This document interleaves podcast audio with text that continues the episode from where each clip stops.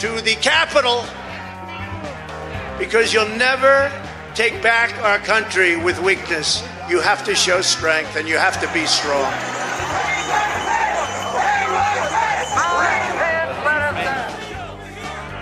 Ja, det var lyden av amerikanske revolusjonære som prøvde å storme kongressbygningen i USA eh, i fjor eh, for å få omstøtt det lovlige valgresultatet, og det skal vi snakke mer om eh, litt etterpå i sendingen. Skal vi da eh, snakke med vår reporter som eh, var til stede da dette skjedde.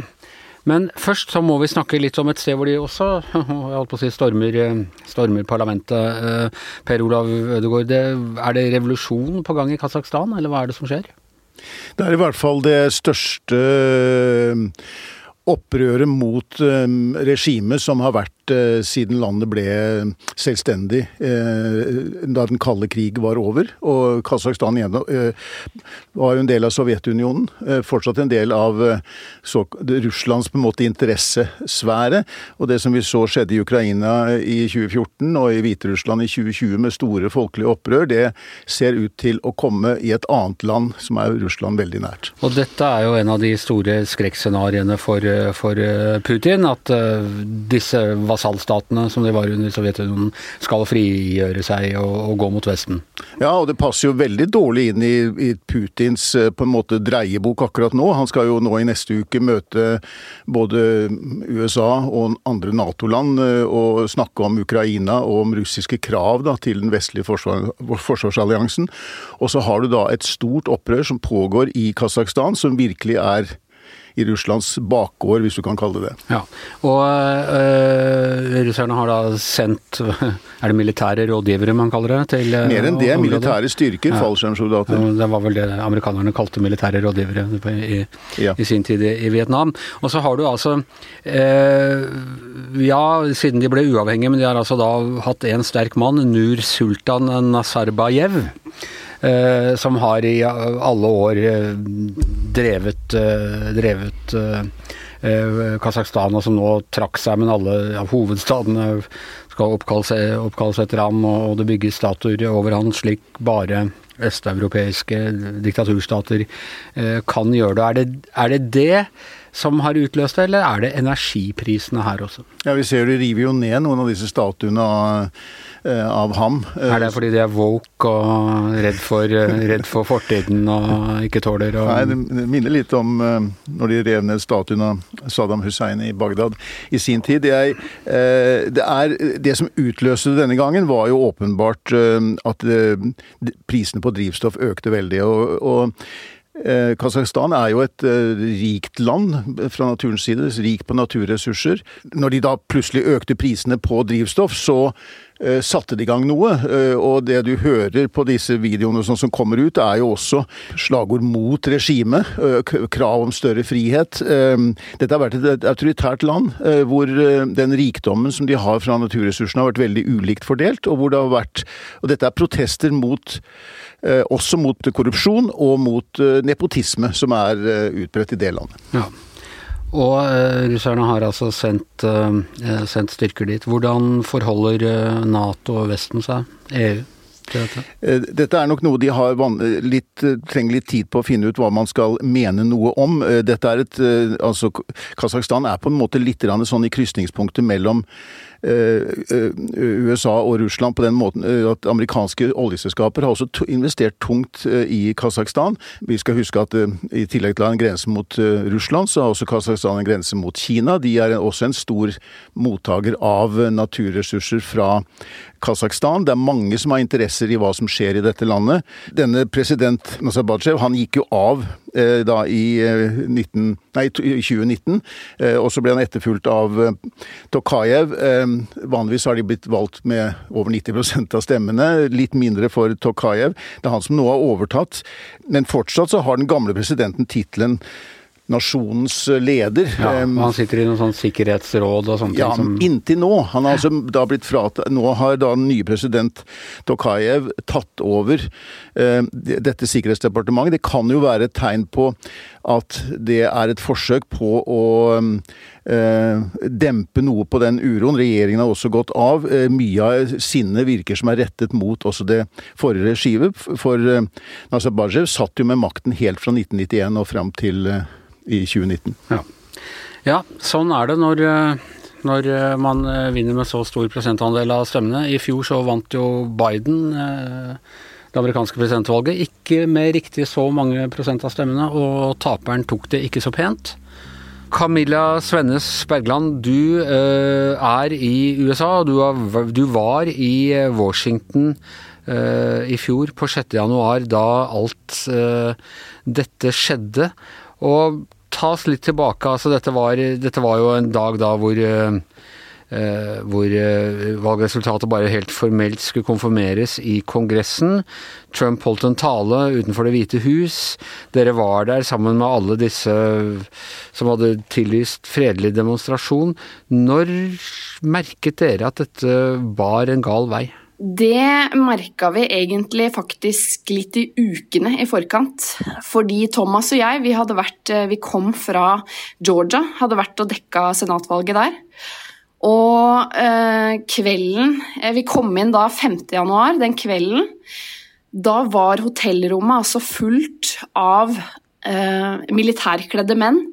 Det var en spesiell stemning i hovedstaden. Og vi så begge på hverandre og var ganske sikre på at det kom til å skje et eller annet i morgen. Og da hadde flybillettene vært eh, ganske fullbooka fra Georgia i lang tid.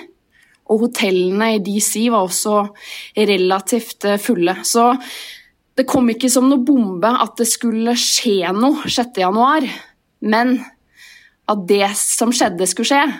Det tror jeg ingen hadde sett for seg. Nei, og Når du nevner Thomas, så er det altså Thomas Nilsson, eh, VGs mangeårige fotograf i, eh, i, USA, som har vært med på mye, men selv han følte at dette her var dette, It was a first, som dere sier der borte? Ja, det er sant det, altså. Han eh, garva, garva fotograf og jeg kan ikke få snakke for han, men uh, han har vel sagt til meg det at det er noe av det uh, drøyeste han har vært med på i, i, i, all sin tid i USA. Og dere var der, altså hørte Trump tale da, var det utenfor Det hvite hus, eller hvor var det det foregikk? Det, det stemmer, det var utenfor Det hvite hus. Vi sto rett ved Washington Monument, og det var jo flere tusen mennesker som hadde samla seg, kom langveisfra. Eh, folk var i ekstase for å se presidenten sin. Eh, folk jubla 'USA, USA, USA', 'freedom, freedom'.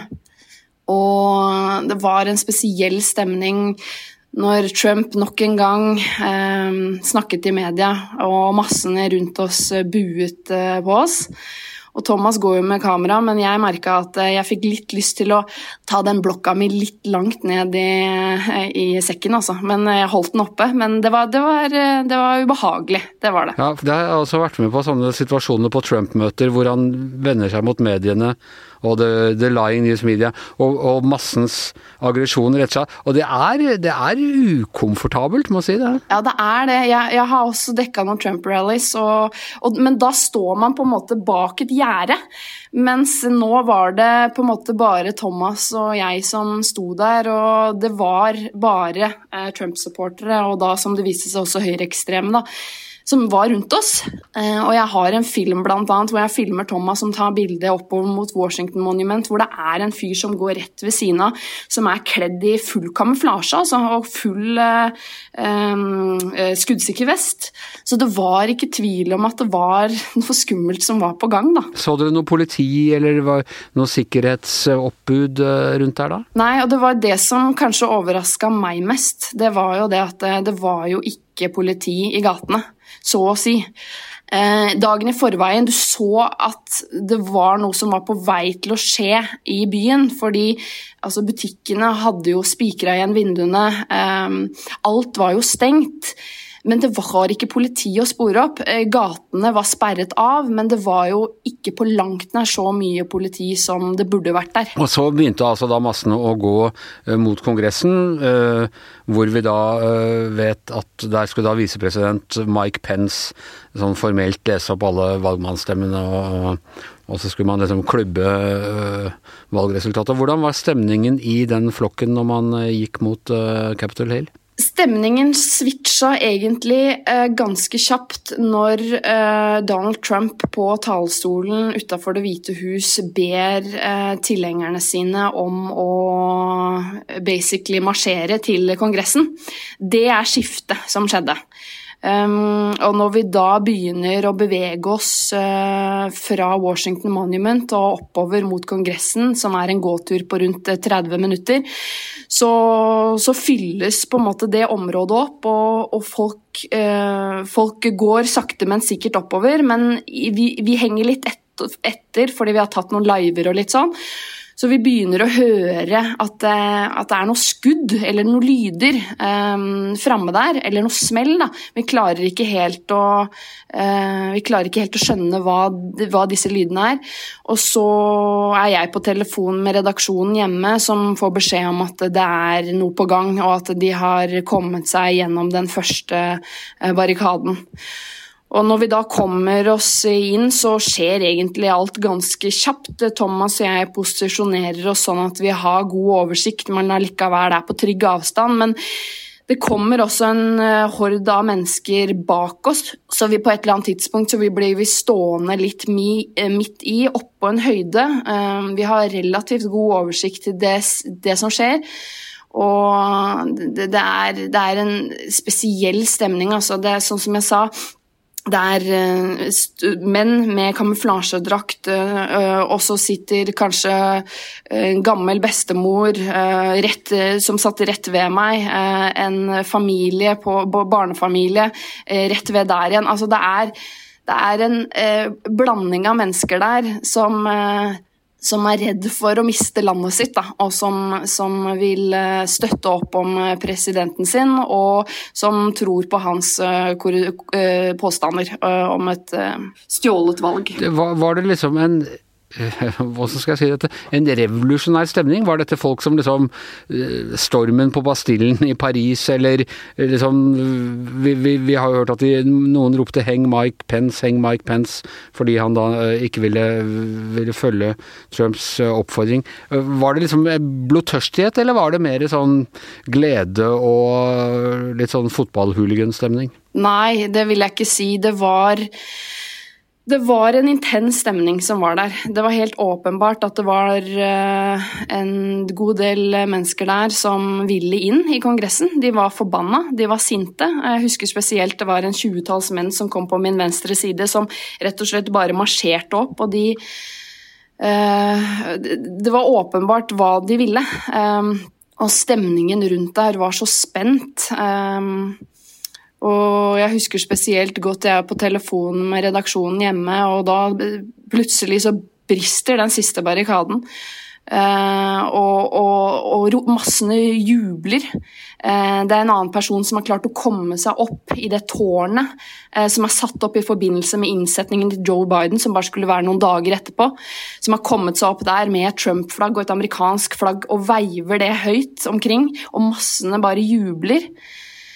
Så det, det, var, det, helt, det, var, helt, absurd. Rett og slett helt absurd og surrealistisk opplevelse. Og fra der dere sto, så så dere at folk liksom tok seg inn gjennom vinduene? Ja. og i det hele tatt? Du så på, oppe på kongressen der, så så jeg Uh, kongresspolitiet løpe rundt uh, uten mulighet til å forsvare seg. De var jo definitivt i mindretall. Uh, og da de kom inn, så hadde de ikke annen mulighet til å trekke seg tilbake. Uh, og på et uh, ja, på bare noen få minutter så var hele den trappa på vei opp var helt full av, av mennesker. Og folk prøvde også å klatre opp på sidene for å, for å ta seg inn. Thomas og jeg på et eller annet tidspunkt bevegde oss litt bortover på, på siden der. og da hørte vi folk knuse vinduene inn mot Kongressen også som jo sikkert de aller fleste har sett på, sett på de videoene som har blitt lekt i ettertid. Hva tenkte dere, eller hva forestilte dere at foregikk inne i selve bygningen når dette skjedde? Tom, Thomas og jeg hadde bare en sånn enighet om at der går ikke vi inn. Fordi vi visste ikke hva som var der inne. Eh, for det andre så er det ulovlig. Eh, vi kunne jo potensielt brutt loven. Eh, og, og vi aner ikke hva som skjer. Vi, hadde, vi kunne ikke sette oss inn i den situasjonen der. Men eh, vi fikk jo litt meldinger fra redaksjonen hjemme som fortalte litt hva som skjedde. Jeg fikk også høre fra noen som plutselig kom bort til meg og spurte om jeg hadde hørt at det var en kvinne som var skutt. Jeg fikk det eller snakka med litt flere som hadde hørt det samme, og snakka med redaksjonen hjemme som også hadde hørt det. Så vi skjønte jo at det var eh, alvor der inne, og det var ikke tvil om, med tanke på det som skjedde utenfor, at eh, det som skjedde inne der, var eh, også ganske brutalt. Da. Var det, vet du om det var andre journalister som tok seg inn? Så dere andre journalister som tok seg inn, eller var det sånn at journalistene Eh, ja, som du sier, det, det, var jo forbudt, og dere kunne, kunne, ha stått i retten nå hvis dere hadde gjort det, men, eh, men, Ja, jeg vet jo i etterkant så vet jeg jo at det er eh, fotografer og journalister som, som valgte annerledes enn det Thomas og jeg gjorde den dagen. Jeg kjenner jo også en New York Times-fotograf som var på innsiden da det skjedde, som for øvrig også ble, ble angrepet, og fikk, utstyret sitt knust i fillebiter. Um, men uh, vi snakka med en fransk journalist som hadde gått inn og titta litt rundt, men bestemte seg kjapt for å gå ut igjen. For det, det, kunne du gjøre som et valg, det var ikke sånn at du da måtte klatre inn? Da var liksom slusene åpnet? Ja, og, Thomas og jeg gikk aldri så langt fram heller at det i det hele tatt var et alternativ. For der var temperaturen såpass høy at vi følte ikke oss komfortable med å være så tett på, rett og slett. Var det, gikk det rykter om hva Trump foretok seg mens uh, alt dette gikk? Gikk, dere liksom og ventet på at han skulle si noe, eller at det skulle komme noe uh, utspill fra Det hvite hus? Det var veldig absurd, for nettet der var ganske dårlig. Uh, så vi hadde jo ikke mulighet, eller jeg hadde ikke muligheten til å oppdatere meg på Twitter, eller Det var jo da Trump fortsatt var på Twitter. Um, men jeg fikk beskjed hjemmefra at han hadde tvitra og rast mot visepresidenten sin, og det var jo helt absurd når massene rundt meg står og skriker 'heng Pence', 'heng Mike Pence'. Så igjen, en veldig absurd situasjon, rett og slett.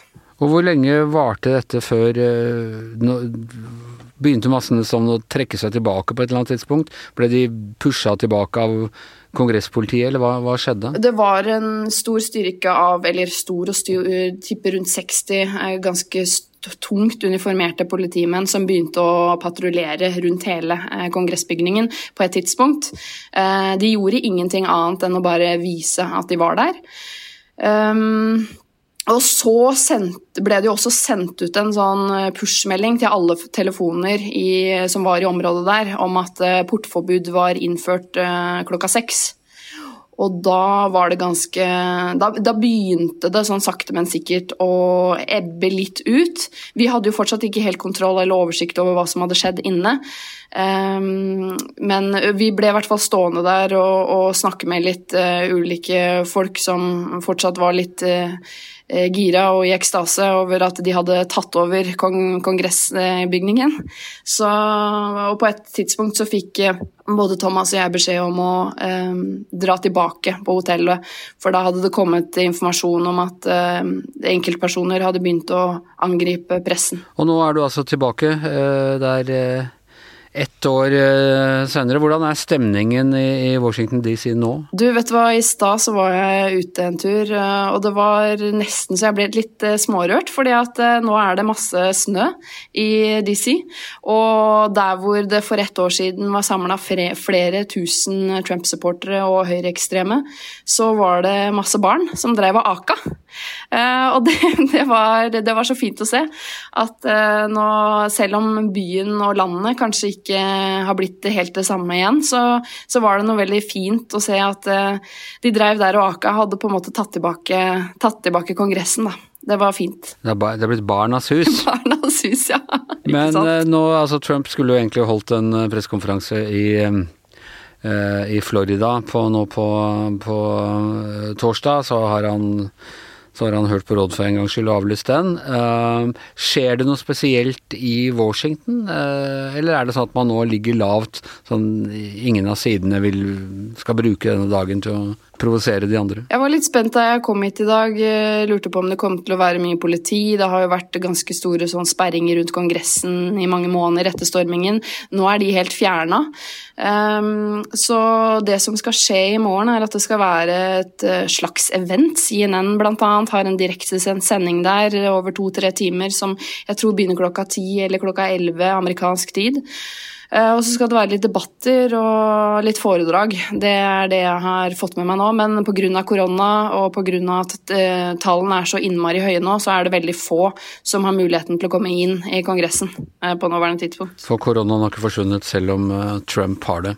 Du får, får, være forsiktig, Camilla, men det er vel, det er vel neppe så farlig i år som det var i fjor? Regner med at det kommer til å gå helt fint, Anders. Ok.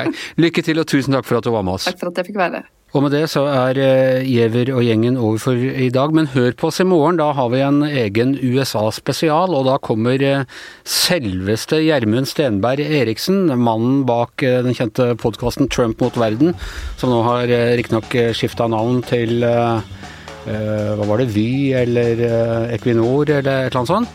Uh, men han kommer til å besøke oss. Per Olav Ødegaard er der, og jeg er der selvfølgelig. Og uh, podkasten Sterke mann, valgt på livstid og samtidig formann i Sikkerhetsrådet, er som vanlig produsent Magne Antonsen.